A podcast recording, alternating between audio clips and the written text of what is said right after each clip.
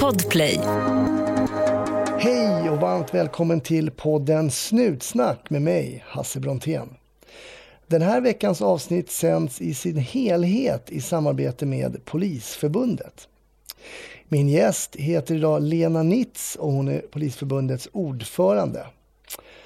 Ja, hur kommer det sig att man börjar jobba fackligt när man var polis från början och var ordförande i Polisförbundet, något som Lena hade i sikte eh, långt tidigare? Mm. Det får du alldeles snart reda på och du får också reda på vilken typ av polisfilmer som Lena, som hon uttrycker det, har dille på. Och sen vill jag också påminna om Polisens dag som Polisförbundet införde 2018 för att lyfta det fantastiska arbete som poliser gör och den betydelse Sveriges poliser har för människors trygghet och för ett fungerande demokratiskt och rättssäkert samhälle. I år infaller Polisens dag den 26 augusti och då ägnar vi givetvis en extra tanke åt alla de poliser som finns i tjänst dygnet runt, året runt. På Polisens dag uppmärksammas precis som det gör även i den här podden att polisarbetet är ett lagarbete. Ja, var nu försiktiga där ute och så hoppas jag att du får en riktigt trevlig lyssning. 1310 570 kom. 1310 Odengatan kom. Ja, det är uppfattat. Vi tar det. Slut. Bra. Klart slut.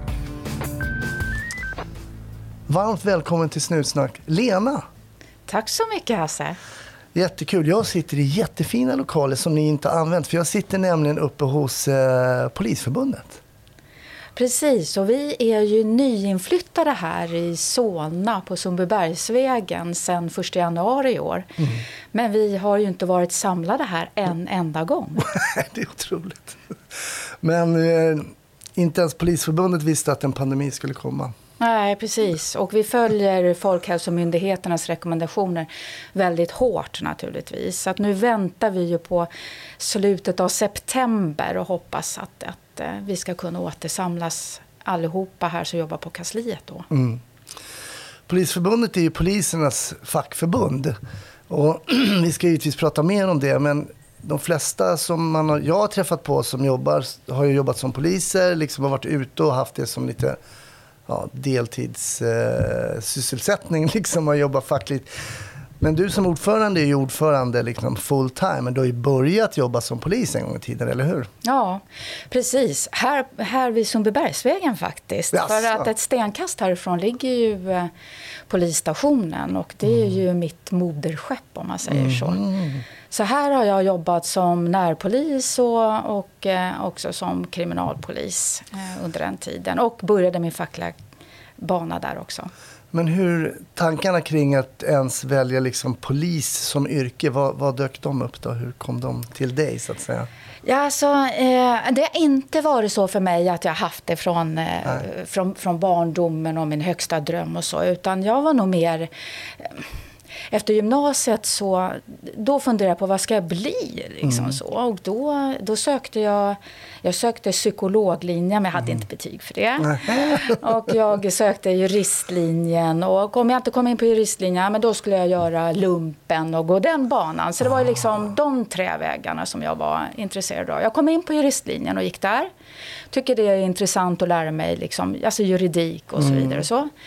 Men det, när jag var klar med det till mina föräldrars... Eh, de slet sig vid sitt hår då. För att eh, de hade ju eh, sponsrat mig på den. Men så tyckte jag att, men herregud, det är bara papper och bokstäver överallt. Alltså. Nej, lite mer spänning. Mm. Och inte så lite heller. Nej. Och så sökte jag in på Polishögskolan. Då. Det är lustigt det du säger, för jag tror vi sa det, vi är väl hyfsat jämngamla, men på den tiden så sa man mer så här, vad ska jag bli? Mm. Alltså, för det, var, det var ett uttryck som jag tror kanske har förändrats lite nu. Nu är det lite mer, vad ska jag göra? Och så kanske jag kan göra något annat. Så det, har, det har verkligen formats om det här att då skulle man bli någonting och det man blev, det blev man liksom. Mm. Och, och då polisen, jaha men dina föräldrar var så här lagom imponerade då menar du? Eller? Ja, alltså, de tyckte väl mer att, eh, för det första så, så alltså, det var farligt och Mm. Jag var, var liksom aktiv av mig och liksom mm. tyckte det var spännande att kasta mig in i saker och ting och sådär. Så de, de, det var mest pappa som tyckte att men kan du inte välja ett lugnare yrke? Liksom så. Men jag har aldrig, aldrig ångrat mig. Inte en minut. Och det har inte mina föräldrar gjort heller. Det är lustigt alltså, för det är, det är väldigt få som just säger att de ångrar sig. Kanske inte vågar säga det när mikrofonen är på, men det låter som att det är ärligt. Alltså, de flesta säger att de inte ångrat det i liksom yrkesvalet. Men jag gick i skolan 88, jag vet att det gick något år senare och jag hade ju då betald utbildning. Fick ju lön när jag pluggade, det är inte fel. Fick ni det på din tid också? Nej, jag gick in hösten 93 och var den första kullen som, som då fick betala för min utbildning. och så. Jag tänkte faktiskt inte så mycket på det. Jag hade nog till, till och med inte ens koll på att de tidigare inte hade gjort det. Ah, utan, okay, ja. Eh, jag trampade så gladeligen in vid grindarna, norra grindarna vid eh, Sörentorp och mm. skulle bli polis. Jag var liksom omåttligt stolt att jag hade kommit in. Och hade en, nu visste jag vad jag skulle bli och vad jag var innerst inne. Just det. Den här tiden på skolan och sådär, kunde den ge dig några hintar om vad du ville jobba med när du kom ut? Eller var det att alla stod och trampade och ville ut och, och liksom fånga bovar? Ja, det, så var det ju. Ja. Alltså, för, åtminstone för, för min del. Och, jag, jag, kan inte komma på någon annan heller som inte hade den inställningen. Mm. Utan här gällde det att, att, att klara utbildningen och komma ut så mm. snabbt som möjligt i i uniform och i, mm. liksom i, i målad bil. Men jag kan väl tycka sen att efter, efter åren gick och man skaffade sig erfarenhet så, så kände man väl också själv när man började växa i uniformen att vad hade man fallenhet för mm. och vad tyckte jag var roligt och vad var jag intresserad av och mm. så vidare. Och sen väljer man liksom grenar ju mm. det ut sig på något sätt där. Det tycker jag är jätteintressant för att man vet ju inte vem man är som polis eftersom man inte har jobbat som polis. Och jag hade nog en bild av att den här klassiska polisen var stor och stark och sådär. Sen märkte jag efter en, en, tid att jag hade faktiskt en fallenhet för att kommunicera med människor och var väldigt intresserad av. Och vissa gånger så märkte jag, men varför pratar de, vänder de sig mer mot mig? Där står ju den här stora, starka liksom, Norrmalmspolisen bredvid mm. mig. Så började jag sakta komma på att vänta nu, man kan ju faktiskt eh, surra med folk på ett sätt som eh, eh, de gillar. Liksom. Mm. Men det visste jag inte alls egentligen. Jag visste att jag kunde snacka på, men jag visste inte att det skulle kanske vara till gagn för mig så pass mycket som det kanske sen blev.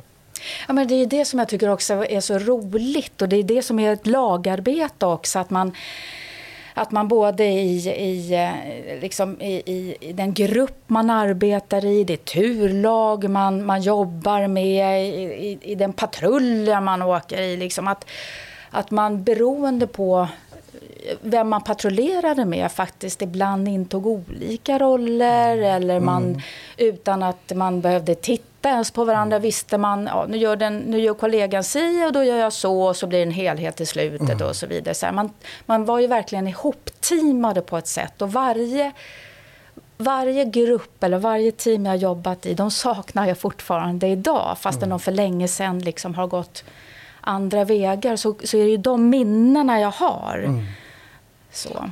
Men hur var det att komma ut då? Relativt ung tjej, Solna som är ju, ja, Stockholm ligger ju precis liksom kloss mot, mot Stockholm city egentligen. Ehm, hur var det att komma ut då? Kom ut under den här närpolisreformen, det var en liten omorganisation. Hur var liksom polismyndigheten när du kom ut då? Ja, men jag, jag kom ut precis när man sjösatte eh, närpolisreformen och jag kommer ihåg att det var ju lite skavigt emellan. Vad var närpolis? Är det en riktig polis? Vad gör ni då? Och så vidare. Det här med mm. problemorienterat polisarbete, POP som det hette då. Sådär.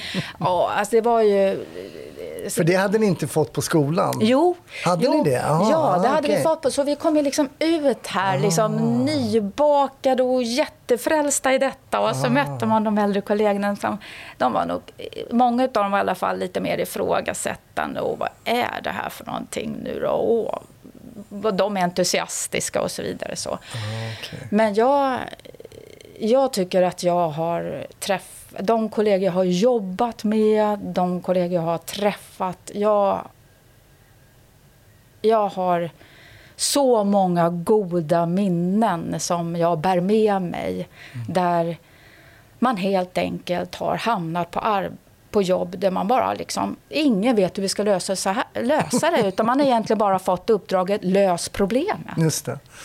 För det är ju så oerhört många arbetsuppgifter som poliser åker på som man inte får lära sig på skolan.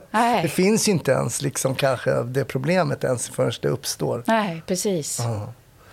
Men eh, har du någon sån, var det någon sån du tänkte på just att du var på något jobb som var konstigt eller? Nej, men man har, ju, ja, man har ju varit på många konstiga jobb och de flesta jobb de, liksom, de, de blandas ihop på något sätt och så. Mm. Och, eh, Um, oftast när någon frågar och har något minne försöker man leta efter någon mer Alltså, känd, har jag varit på någon känd händelse mm. som andra kan liksom åter eh, koppla till och så vidare. Och, så där. Men det, och jag vet inte varför. Vissa händelser känns mer i hjärtat än vad, än vad andra gör jag, jag har i alla fall ett jättestarkt minne. Jag tänker på det ibland fortfarande. Där, eh, där det var en man i familjen då som hade, eh, om, som hade en trafikolycka och så hade han omkommit. Han kört in en bergvägg och det var väl frågan om om han hade gjort det eh, avsiktligt. Okay. Och vi mm. åkte hem till Eh, till frun då som bodde i ett, ett, ett välbärgat område här i Stockholm. Eh, huset var fint och trädgården i ordning och så vidare. Men när vi kom in i huset så var det nästan, alltså i princip helt tomt. Det, att det stod en soffa i ena hörnet, det var väl två stolar och ett köksbord och lite sådär. Så man såg att det var sån kontrast emot det, som, så som det såg ut utifrån. Och då mm. framkom det då att mannen hade förlorat jobbet för en tid sedan. Och de hade problem med ekonomin och de hade fått sälja av en del. Och här gällde det att hålla fasaden utåt. Jag vet inte ens om grannarna visste om detta, tror inte det och så vidare. Och eh, ja, där, där, där frun då också miste mannen mm. i, i allt det här. Då. Och då kommer jag ihåg att hon också sa vid ett tillfälle där kan, kan du hålla om mig? Kan du bara hålla om mig? Mm. Om man då håller om någon, men man själv känner ju att gisses, jag har skyddsväst, jag har blyplatta, ni är hård. Alltså, liksom så. Mm. Men för henne så var det... Någon som var nära? Varmt, tryggt. Ja, någon, någon bara hålla, hålla upp en i. Liksom mm. så. Och sen kom ju då resten av familjen och så vidare. Men det där, det... Jag funderar på liksom hur... Ja, det här med arbetslöshet och alltså hur slår det mot en ja. familj? Hur mm. otroligt det kan bli om, om, om, om man tappar fasaden utåt och så vidare. Så ja, det är intressant också att, för jag menar, då är, nu höftar jag lite grann, men kanske det här är 25 år sedan då som du var på det här jobbet med en man som eventuellt tar livet av sig, kanske för att få in pengar, vet inte, via någon livförsäkring eller någonting. Eller, ja att det sitter kvar då. Det är inte alls ett klassiskt polisjobb. Det är inte um, biljakten eller du har en skjutning och fångar rånaren och sådär. Men det är ju tydligt egentligen om man tittar på de här minnena som finns. Utan det är de här uh, mänskliga liksom, mötena där det händer någonting. Ja. Du sa att du tänker på det här ibland. Är det när du åker förbi något liknande hus? Eller hur, hur, hur kommer de här tankarna upp? Att, att just det här caset på olika sätt. Det är ju om jag Eftersom jag eh, fortfarande åker förbi det området ibland så är det mm. klart, då, då blir det ju påtagligt. Mm. Men alltså, jag tänker på, nu är jag ju facklig, du pratar om arbetslöshet eller mm. när man förlorar ett, ett jobb eller en, kollega som hamnar i personalansvarsnämnden och mm. blir avskedad. Det är ju, det är ju, alltså, det, vad händer med familjen? Vad händer med kollegan sen då? Och mm. så vidare. Det där är ju...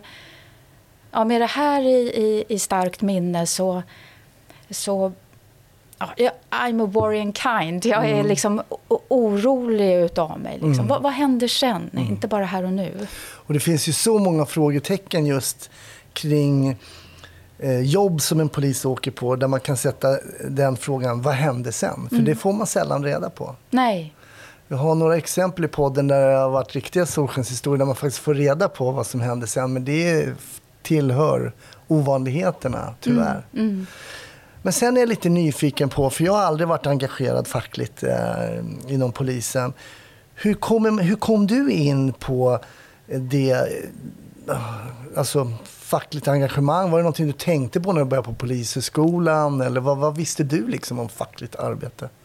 Jag visste knappt vad fackförbund var när jag, stod, ja, när jag gick in på Polishögskolan. Men jag tror att man, en del av mig har det sen tidigare. Jag, jag kommer ihåg när jag, var, jag, jag spelade ju Brommapojkarna, alltså fotboll i, i 18 år och så blev jag irriterad på att varför har alltid damlaget eh, de dåliga träningstiderna? Ja, då blev jag engagerad där helt enkelt för att liksom förändra eller förbättra. Och när jag kom ut då och började som polis och, då, och, och man skulle ha skyddsväst och kängor. Och, ja, men då, då var det fortfarande på den tiden då, då skyddsvästen inte var böjd för brösten om man säger så. Och det, ja, men det här passar inte mig. Det måste väl ändå inte vara helt nytt inom polisen att kvin, kvinnor har bröst. Så lite sådär, va? Nej, det borde inte vara. Nej, ja, liksom, hur, varför är det så här då? Det fanns inte kängor i min storlek. De, liksom, jag hade för små fötter och så vidare. Så då, och då tänkte jag, men vad, vad är detta liksom? Det här måste jag göra någonting åt. Och då gick jag till fack och så tyckte jag, men gud, alltså, gör något. Varför har ni inte gjort någonting tidigare? Så jag var, jag var kritisk mot facket först. Och då var det ju kollegor liksom som sa det, nej men okej då, men, men hjälp till då. Kavla upp ärmen och hjälp till. Ja, och så gjorde jag det på den, och på den vägen är det. Intressant. Det är spännande det du säger med... Jag får ett minne här om när du säger skyddsvästen. Att man liksom, kunde man inte anatomin på den tiden? Att de kan inte se likadana ut. Liksom, för man har en del av bröst och både större och mindre. och sådär. Jag köpte, vi fick inga västar, så jag köpte min egen skyddsväst. Och då var jag aspirant. Och då stod jag inne på toaletten och så, så tog av mig liksom tröjan och så hade jag en t-shirt och så hade jag västen som jag rättade till och så hade jag någon sån här platta. Så. Och då hade jag inte låst dörren till toan. Och då öppnade en av gruppcheferna på det här eh, där jag var då som aspirant. Och han bara, åh förlåt liksom. Men jag, jag stod ju bara och rättade till västen, det var ingen fara så. Men så stängde jag dörren och låste och, tänkte jag, och då tänkte jag så här. Tycker han att jag är pinsam nu? Som har liksom en skyddsväst.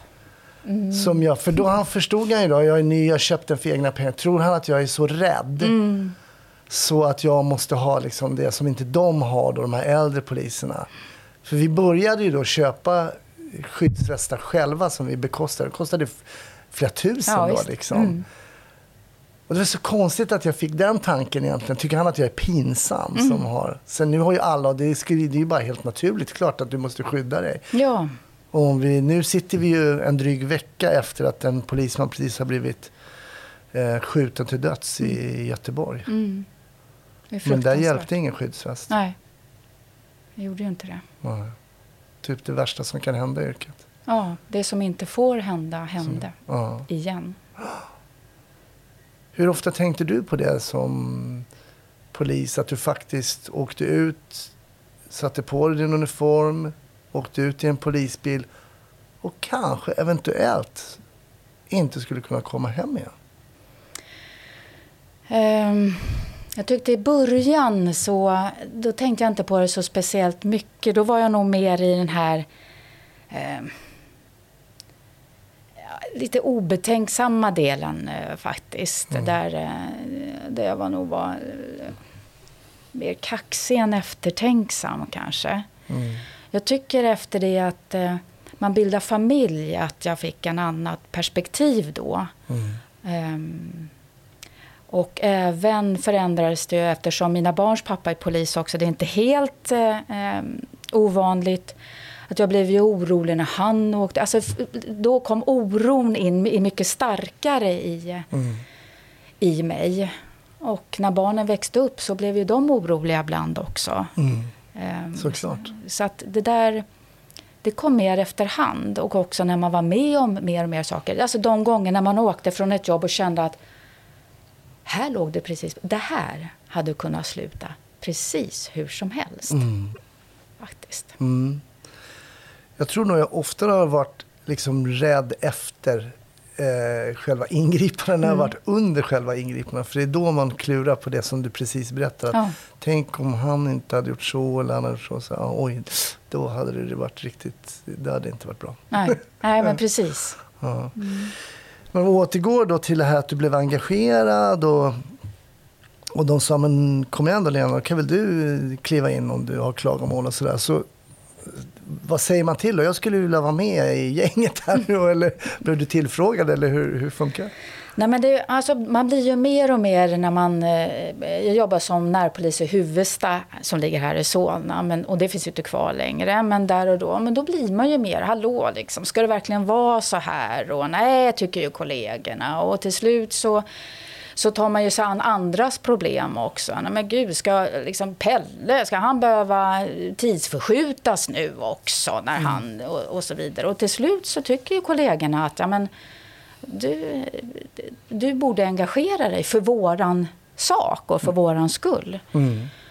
Och då så blir man invald i, i styrelsen och det finns en drivkraft i det där att samma drivkraft skulle jag nog vilja säga som om man blir, när, när man blir polis. Att, att hjälpa sina kollegor, att skydda också på olika sätt och ställa till rätta om man tycker att någon har blivit felaktigt behandlad. Och att då få förtroende när kollegor frågar kan, kan, ni, liksom, kan du inte köra här för oss? Då är det en enorm kraft, tycker jag i alla fall. Jag blir ju väldigt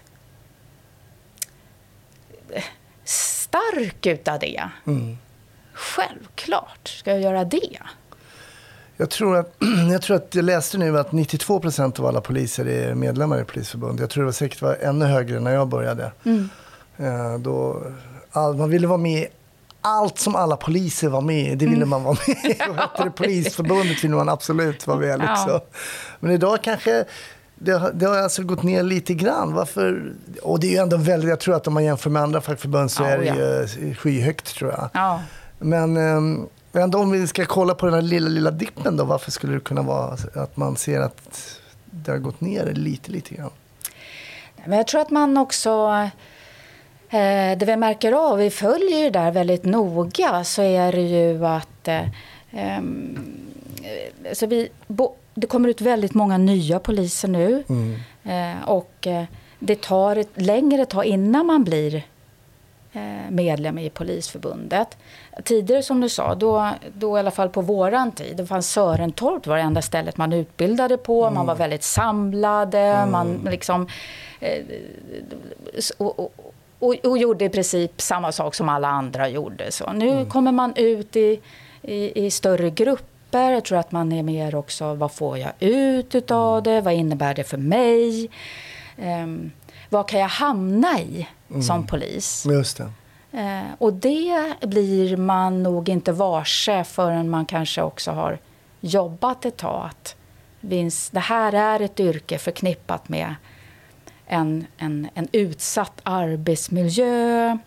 Eh, man, kan, man, man kan ingripa och tycka liksom att man gör rätt och ändå hamnar man i personalansvarsnämnden av någon anledning. Man ska vara oerhört flexibel. att... Och personalansvar, det kan, de som inte jobbar som poliser, då, det är de som beslutar om till exempel om du skulle bli dömd, Ja. om du ska få kvar yrket, få vara kvar i yrket eller om du ska bli avskedad och så vidare. Ja, eller om du ska få en varning eller Exakt. Mm. löneavdrag om du har gjort något fel och så vidare. Så här, Man är ju väldigt synad som, som polis. Det ska man vara också. Mm, med så. Ja, men jag tror att det finns liksom olika delar där som man hamnar i och då inser att här behöver jag här behöver jag hjälp och stöd. Mm.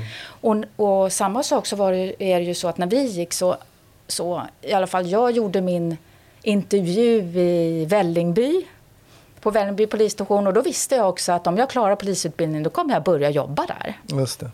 Idag är det ju inte så. Idag, idag när du är klar kan du bli placerad i princip var som helst. Mm.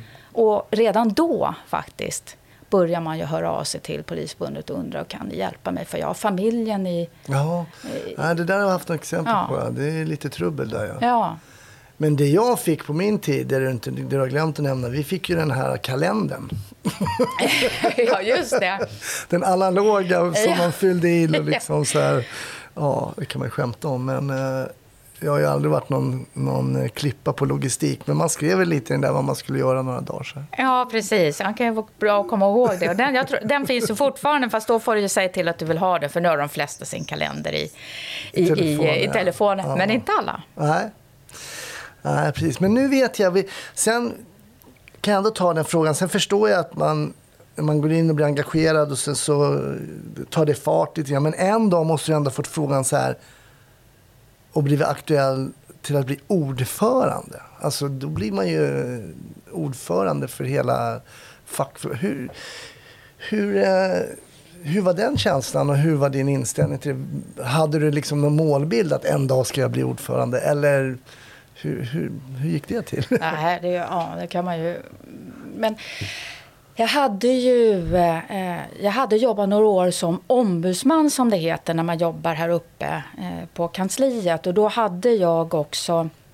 Mitt specialområde var just eh, att jobba nära och hjälpa kollegor på olika sätt, stötta de kollegor som hamnar i personalansvarsnämnden av, av en eller annan anledning och med arbetsmiljö.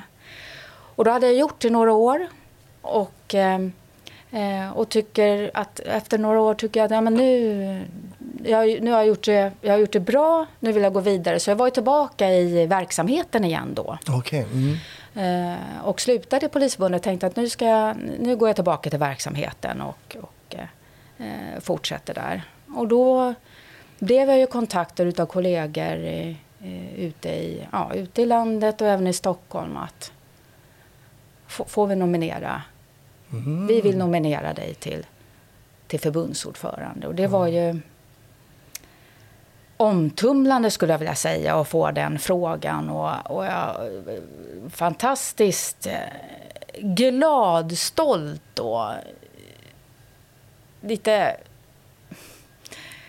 Ja, alltså... Vad, krävs det av mig idag och, och så? Eh, första kvinnan, innebär det någonting? Är det större krav på mig då eller så? Men så antog jag det och jag tycker att det har varit ett fantastiskt roligt eh, arbete. Kämpigt ibland, förtvivlat ibland. Du vet när man tycker att eh, va- vad tar, varför tar det så lång tid för? Och Förstår inte arbetsgivaren eller politikerna? Eller, alltså det är enormt mycket känslor och kraft och, och spännande kan jag tycka. När jag precis ja, när jag hade börjat så vi, då hade, hette vår ordförande Gunno Gunmo.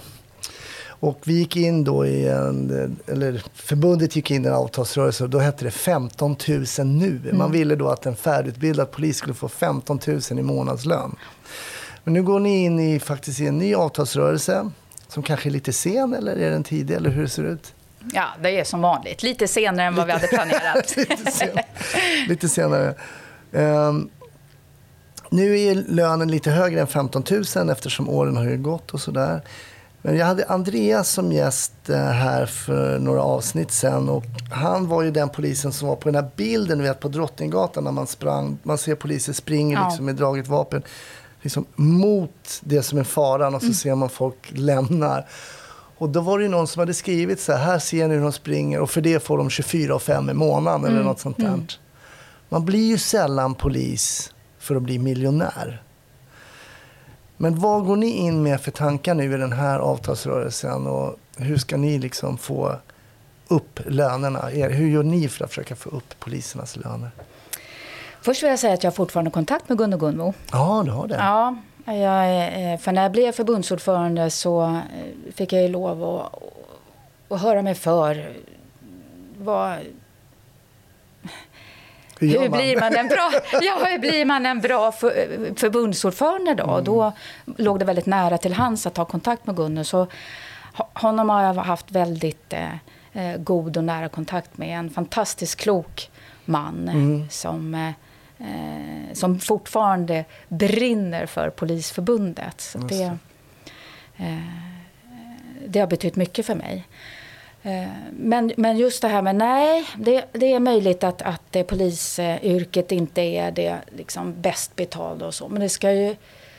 Det är ju det som har varit problemet nu med polisbristen och att så många har slutat. Och vi, får, vi fyller inte platserna på polisutbildningarna och så vidare. Därför att det måste ju vara värt. Vad är det värt Ja. att vara polis? Ett sånt utsatt yrke. Det har blivit mycket mer komplext sen vi gick in på polisskolan. Det krävs mycket mer utav en på olika sätt. Man går igenom väldigt liksom, noggranna tester och, och får jobba ett eh, alltså, dygnet runt slitsamt yrke skulle jag vilja säga. Både fysiskt och, och psykiskt. Och då Absolut. klart, då måste det vara värt det. Det håller jag ju verkligen med om. Och det tror jag våra lyssnare håller med om också. Ja, och då, och då har det ju varit det att eh, man har nog kanske tidigare levt på, då, och då säger man, alltså Polismyndigheten och politikerna har nog levt på att det här har varit ett kall och att vi ändå ja, har drivits utav eh, att hjälpa, skydda och ställa till rätta. Men det går inte att leva på det. Nej. Och det går när man också märker att man kan få ehm, bra jobb, att man är attraktiv på arbetsmarknaden eh, och, och man kan få en, en högre lön och jobba bättre tider, ja då har ju många av våra kollegor lämnat. Och det där har man ju ganska yrvaket satt sig på sängkanten och tittat ifrån arbetsgivare och, och eh, politikerhåll och, och yrvaket omkring sig. Vad är det som händer? Så. Nu tycker jag att nu har man ändå nu har man insett. Nu gäller det att åtgärda det och det är därför vi driver så hårt. Att vi ska ha en högre lönetakt än vad man har på övriga arbetsmarknaden. Nya budskapet är ju att poliset, polisarbetet är ett lagarbete och det tycker jag vi har hört mycket i podden också att man pratar om just det. om- ofta glädjen också att jobba i ett team, i ett lag och att lösa uppgifter tillsammans. Men varför pushar ni från Polisförbundet just att det här lagarbetet är, är ert budskap nu liksom? Ja, det, det är ju det grunden egentligen och vi pratade om det tidigare här nu också. Hur, hur viktigt det är med teamet och med gruppen och med laget och, och, och, så vidare. Eh, men vi vet ju också att, att eh, allting hänger ihop. Alltså både ingripande verksamheten som är eh, först på plats ehm, och sen när man väl har gjort de förstahandsåtgärderna och sen lämnar över till de som utreder, ja då är det precis lika, lika liksom viktig länk i kedjan från det att ett brott är begånget till att man griper en gärningsman och får den lagförd också. Hela den kedjan hänger ihop. Och det, det är det lagarbete som man måste se. Och tidigare nu har ju mm, eh, eh, det blivit mycket satsningar på, på en del i kedjan. Och, och det här måste man ändå lyfta och se att det är, det är viktigt att hålla ihop den. Och det förebyggande arbetet egentligen är ju också någonting som måste, eh, som, måste värderas i och med att det är, vi vet ju alla att helst vill, vill vi ju vill vi att så, lit, så, så få brott som möjligt blir begånget. Jag kände, och jag nämnde det lite för dig innan vi började spela in, men jag började ju eh, polisen för många år sedan, men det var ju oerhört liksom, eh, ja men stod och, du vet, man var som Ferdinands eh, polare, du vet, så där man ska ut och stångas och man ville vara sheriff i stan och fånga bovarna och sådär. Och det var ju fantastiskt kul. Och jag hamnade också på enheter som var väldigt drivna och vi gjorde väldigt, väldigt mycket. Vi grep väldigt mycket folk. Men sen till slut när jag hade hållit det här tempot i ganska många år så kände jag att jag började tappa lite liksom geist. Jag tänkte men jag kanske kunna göra något annat. Jag sökte andra jobb. Jag, sökte, jag fick jobb. Jag fick då, det tog jag inte, men jag fick jobb som säljare för kopiatorer och faxar. Men så kände jag, jag kan inte stå och kränga liksom, kopiatorer. Så jag var också lite feg eh, och tackade nej till det. Men, och det var nog bra. Men eh, alltså vikten att hålla kvar det här. Så att man inte, för där kommer det nog en dipp oavsett kanske vem man är. Liksom. Man, man gör det här spännande, spännande. Och jag vill inte gå in och sätta mig. Nej. Jag var inte redo att gå in och sätta mig och liksom börja utreda. Så jag hade gjort det lite grann. Men jag kände jag ville vara ute, jag ville vara ute. Men så hade jag inte riktigt det här trycket längre kände jag. Eh, hur ska man liksom... Det, hur ska man kunna behålla det? Det är så knixigt det där. Ja, och jag tror att det är en huvudnyckel till om man ska, om man ska eh, orka brinna i sitt yrke eh, hela, hela tiden så kan man ju inte så kan man inte bränna ut sig helt Nej. enkelt. Och då, och då tänker jag att det är klart att efter, efter några år så känner man just det här, vad är jag, vad har jag, vad, vad har jag intresse utav? Vad märker jag att jag faktiskt har läggning för? Det här är, det, det här är är jag, jag har verkligen bra kontakt med ungdomar till exempel. Mm, och det, finns ju, det fanns ju då och det finns nu också, men att man får att man får utveckla sig i det, eh, det man har fallenhet för. Vi hade ju ungdomsgruppen, eller en, en del går mot trafik eller mm. andra går mot så, gatulangningsgrupp eller mot och, och, så vidare. Och det är ju samma sak egentligen när man väl går in och, och utreder att ja, brott i nära relation eller om det är grova brott mm. eller mängdbrott eller vad är det som jag brinner för. Och då måste det också finnas förutsättningar att att få vidareutbilda sig i det, alltså att mm. utveckla sig, att man känner att man kommer framåt, att jag, alltså mm. man, får, man, man, får kombinera. Många av kollegorna säger nu också att jag vill kombinera min tjänst. Jag vill vara ute en del och, mm. och, och sen utreda en mm. del. För problemet med en myndighet som är så stor som Polismyndigheten är ibland att man kan som individ, tror jag, försvinna lite grann. Och, om man inte har någon att liksom kanske studsa emot och säga det. Men vänta, jag skulle, finns det möjlighet att kanske göra det här en viss tid och kanske göra det här också? För man vill inte heller bli Ferdinand som bara sitter och typ luktar på blommor och då kanske jag istället menar läser en tidning mm. och vet att man faktiskt får betalt för det, ibland så finns det också en möjlighet i en stor myndighet att smita undan lite grann. Och ibland kanske jag också såg exempel på det. Och den personen vill jag absolut inte bli heller. Att de, ja, men, Hasse gör inte så jävla många knop. Liksom. För det går också, då är det viktigt att hitta, precis som du säger, att då kanske kunna kombinera eh, istället för att stagnera. Ja, jag tycker också där är, det finns, borde finnas så mycket möjligheter till ja. det och det ges möjligheter också till en viss del men jag tror man kan bli mycket bättre på det. Jag tycker att Alltså arbetsgivaren har ju ett, ett behov av att vi är flexibla, vi ska kunna Eh, eh, användas eh, dygnet runt. Vi ska, hela, hela Sverige, vår, eh, alltså där, där vi har arbetsskyldighet i hela Sverige. Vi har till och med arbetsskyldighet på fritiden, ingripande skyldighet och så vidare. Vi ska vara mm. enormt flexibla. Tycker också att man kan vara flexibel eh, för Eh, för våra behov. Alltså när, när man eh, bildar familj då måste man få vara lite flexibel i arbetstider, lämna och hämta mm. barnen. Mm. Mm. När man blir äldre, om man ska vara i yttre tjänst längre, ja, då kanske man inte orkar hela nätterna.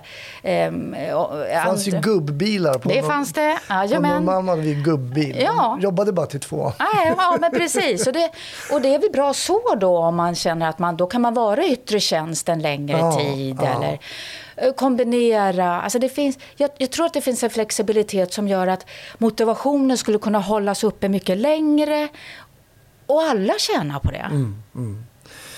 Du nämnde lite tidigare så nämnde du mm, polisens liksom, mm, arbetsvillkor och förutsättningar att liksom förbättra arbetsmiljön och sådär. vi pratade ju också lite kort om det som aldrig får hända, som hände nu i, i Biskopsgården. Jag fick faktiskt ett eh, mail av en lyssnare som har, vill, han vill bli polis och eh, nämnde det här. Men han sa det här har motiverat mig ännu mer att söka in till polisen och att kunna få hjälpa till det som hände. För man kan ju tänka sig att sån, en sån sak blir precis tvärtom. Varför ska jag gå ut precis som vi pratade innan och inte komma hem till min familj? Mm. Så det var ju otroligt, jag skrev det till honom, det var otroligt att det var en motivator för dig och inte att du tyck, drog undan din ansökan när du hör att någonting sånt. Men hur ska man kunna förbättra då för poliser som till exempel absolut måste synas i Biskopsgården eller i liknande för de som bor där, så där ju liksom 98 procent inte är kriminella och som sköter sig. Um, men varför ska man liksom åka dit som polis om man vet att det finns någon med någon lasersikte eller någonting? Hur kan vi förbättra för dem som gör de här grejerna? Finns det saker man kan göra?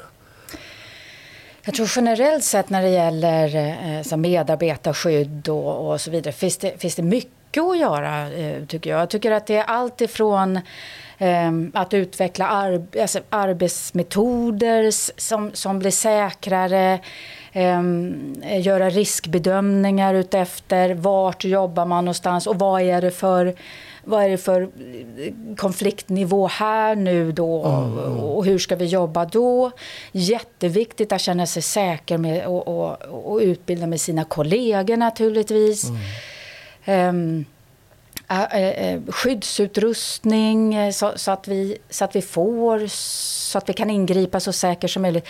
Men det är klart, man kan aldrig jag tror aldrig i det här yrket att man kan eliminera riskerna. Det går inte. Nej. Men man kan reducera dem och det måste man ständigt göra. Och sen tror jag också att det handlar om att man... Man måste också få tid att, att, att liksom träffas och teama ihop sig. Mm. Att få prata om saker och ting, om handledning. Alltså att, mm. att få, få ur sig den ryggsäck som man ändå som fylls på allt eftersom är precis lika viktigt.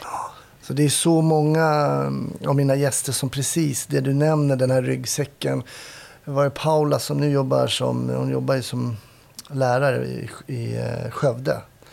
Och hon sa det, ja, påverkas. Jag påverkas, påverkas du av att du lägger dödsfall i ryggsäcken, barn som dör i, i, i olyckor i ryggsäcken, du lämnar dödsbod, lägger i ryggsäcken, du ser, går hem till hem där folk lever i misär, lägger i ryggsäcken. Alltså man behöver inte vara direkt någon utbildad psykolog Nej. för att förstå att det fylls på, fylls på, fylls på.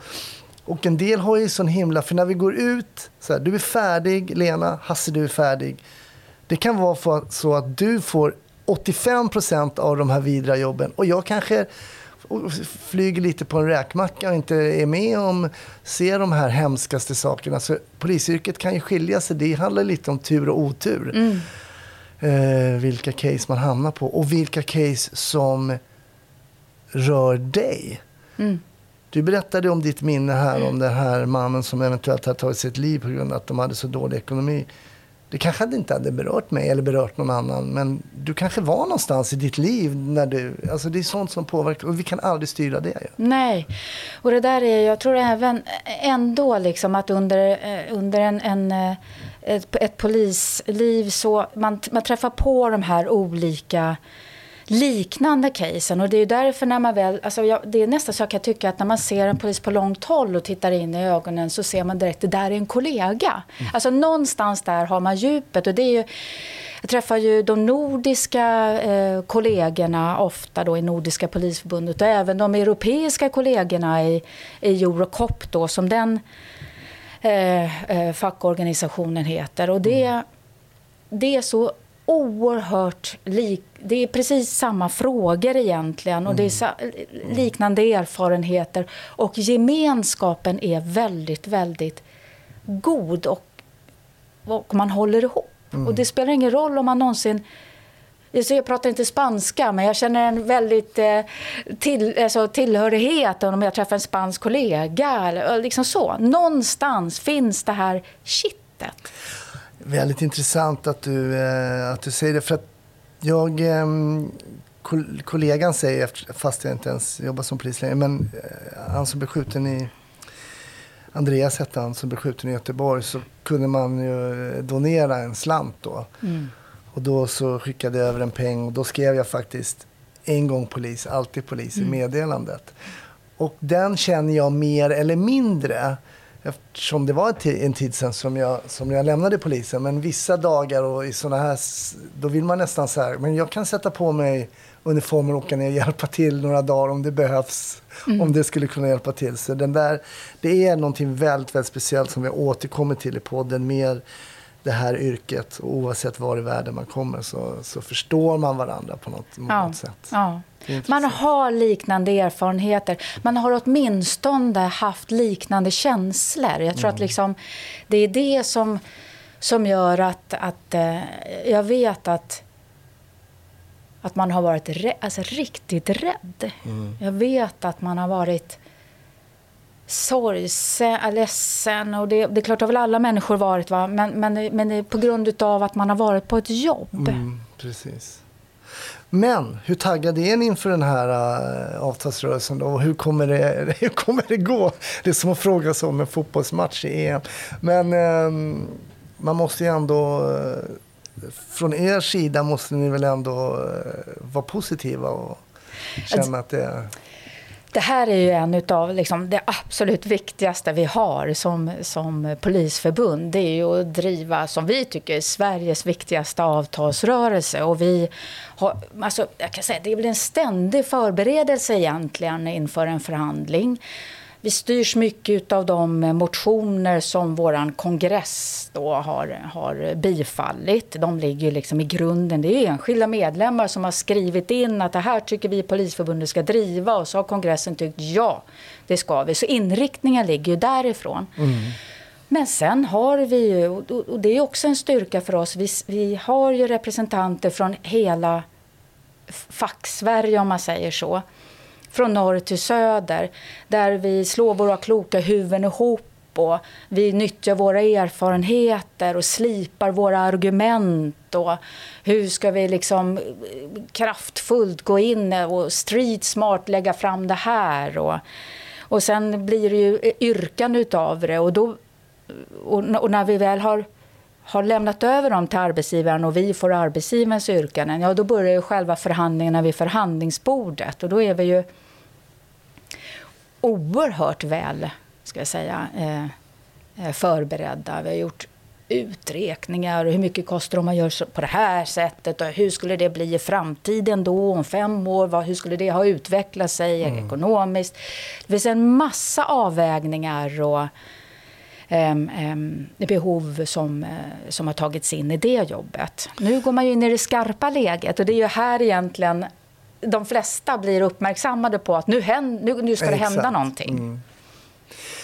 Men det är ju sorgligt på ett sätt, men vi lever ju nu i en tid, 2021, där kriminalitet, skjutningar, tyvärr också mord på en polis, um, gängkriminalitet pratar man pratar om klan, eh, klaner som bygger liksom kriminella eh, Eh, sin kriminella verksamhet över liksom med släktband och så vidare. Mycket som har kommit upp på bordet som vi inte har hört kanske tidigare. Och eh, det är kanske är synd att säga, men det ligger ju liksom i tiden att kanske då kunna styrka att det behövs eh, då till exempel eh, löneökningar för de som jobbar mot de här sakerna som vi tidigare pratat om också kan vara väldigt, väldigt riskfyllt. Mm.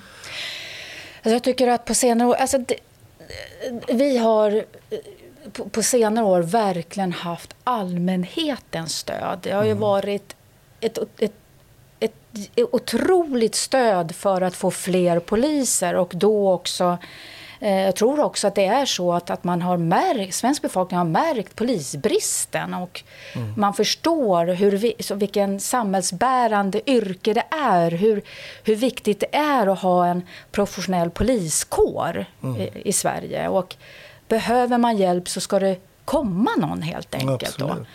Ehm, och det har ju lett till att det också uppmärksammas, men herregud, vad dåligt betalt det är. Så det, det kan inte vara möjligt. Och Men då, jag tror det chockar en del faktiskt. Ja, och det, nej men det, det måste vara värt det. Mm. Och det började för några år sedan och det här har ju verkligen gett eko i, i, alltså inom politiken där det faktiskt har tillförts öronmärkta pengar för att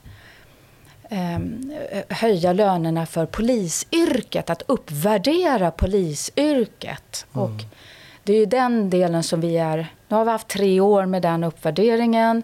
Nu jobbar vi ju extremt hårt för att det ska fortsätta tillsättas medel från, extra medel från politiken. Och, eh, ehm, och vi går in i en eh, löneförhandling nu då. Så det är klart, här gäller det ju att hålla uppe den ångan. Och jag tror att det finns ingen i Sverige idag som inte förstår att det behövs fler poliser i den mm. omvärld som vi har. Om vi berättar för lyssnarna, vad, vad tjänar en polis som kommer ut som är färdig nu? Vi ser att man blir färdig idag.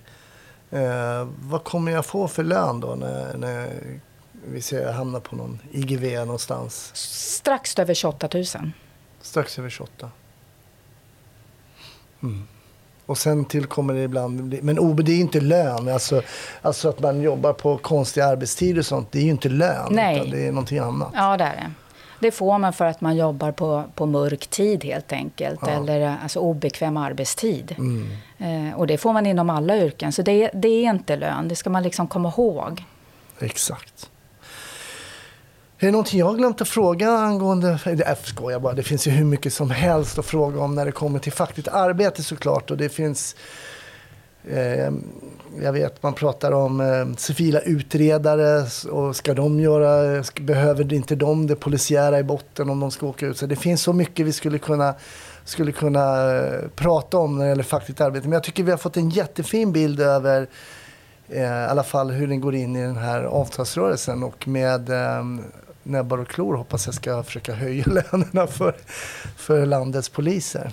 Ja, det gör vi ju, det gör vi ju alltid. Och, det är ju, och vår styrka är ju också att vi är att vi är så många poliser som är med i Polisförbundet. För vår röst är stark. Och, eh, eh jag skulle nog vilja säga det att eh, det, det är ingen annan som som driver polislöner eller yrkesutveckling än Polisförbundet. Alltså det, det är ju, vi, vi, är ju poliser för poliser. Det är mm. kollegor för kollegor. Och här mm. har, kämpar vi för samma sak. Det är för att, vi, för att svensk poliskår ska få det bättre. Mm.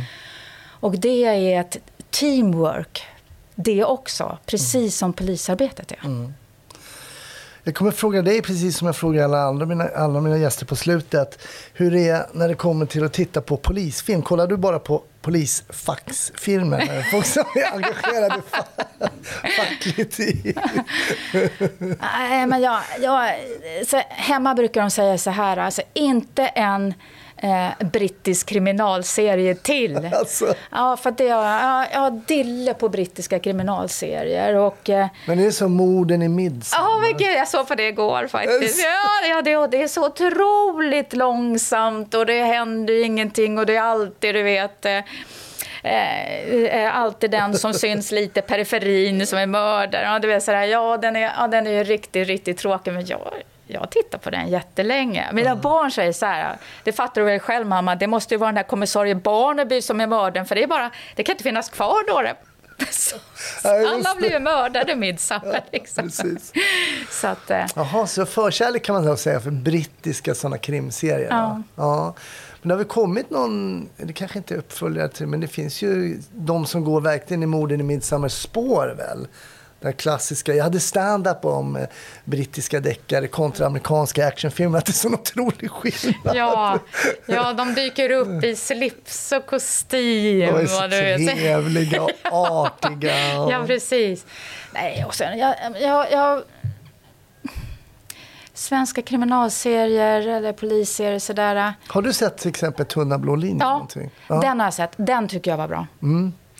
För den speglar ju på ett väldigt verkligt sätt. Liksom. Lite utsättningar. Och också tycker jag de här, om, om det ska det ska väl uh, visa ungefär någon Twitterflöde eller någonting. Ja. Sociala medier. Att vad man än gör som polis. Oh, de är här och uh, misshandlar dem fast det, ja, nej, de är här och hjälper till och så vidare. Så att det blir alltid sådana vinklar. Och bara jag tänker bara hur man ser ett polisingripande. Om folk står liksom i 360 grader runt ett polisingripande så kommer folk ha sett precis helt olika ja. saker egentligen. Ja.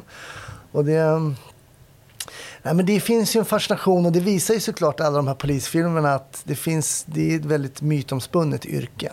Ja, och det är klart att är man polis och tittar på de här kriminalserierna så blir man ju lite trött på någon säger, no, alltså har något fel, säger något fel eller gör något fel och så jag, jag brukar mer bli fäst vid eh, karaktärerna. Mm. Så tycker man att man känner dem. Ja. Nästan som man ibland ser på ICA-reklam, att man tycker ändå att man känner igen dem lite. Vad gör de nu då? Det var, inte, det var inte dumt att köra igång den där ICA-reklamen en gång i tiden. Ja, det, är, det är en god vän till mig, Paul, som spelar han har inte fått några andra roller, men han har nog kunnat livnära sig rätt bra på den där. Ja. Okej, ja, men då ser vi eh, brittiska deckare som jag också kan tycka kan vara riktigt charmigt ibland faktiskt. Lena, stort tack för att vi fick höra lite om det fackliga arbetet men också fick reda på lite mer vem Lena Nitz är som är ordförande för Polisförbundet. Tack för att jag fick vara med. Och vill du höra lite mer så kan du göra det i Patreon-avsnittet för då kommer vi prata lite mer om polisarbete och kanske om fackligt arbete också. Ja men precis. Mm. Stort tack för att du har lyssnat på ännu ett avsnitt av Snutsnack. Och om du vill så finns det naturligtvis ett rykande nytt avsnitt även i nästa vecka. Och du, glöm nu inte bort att det är polisens dag den 26 augusti. Då uppmärksammar vi det viktiga arbete som poliser gör dygnet runt och året runt. Ha nu en fin vecka. Hej då!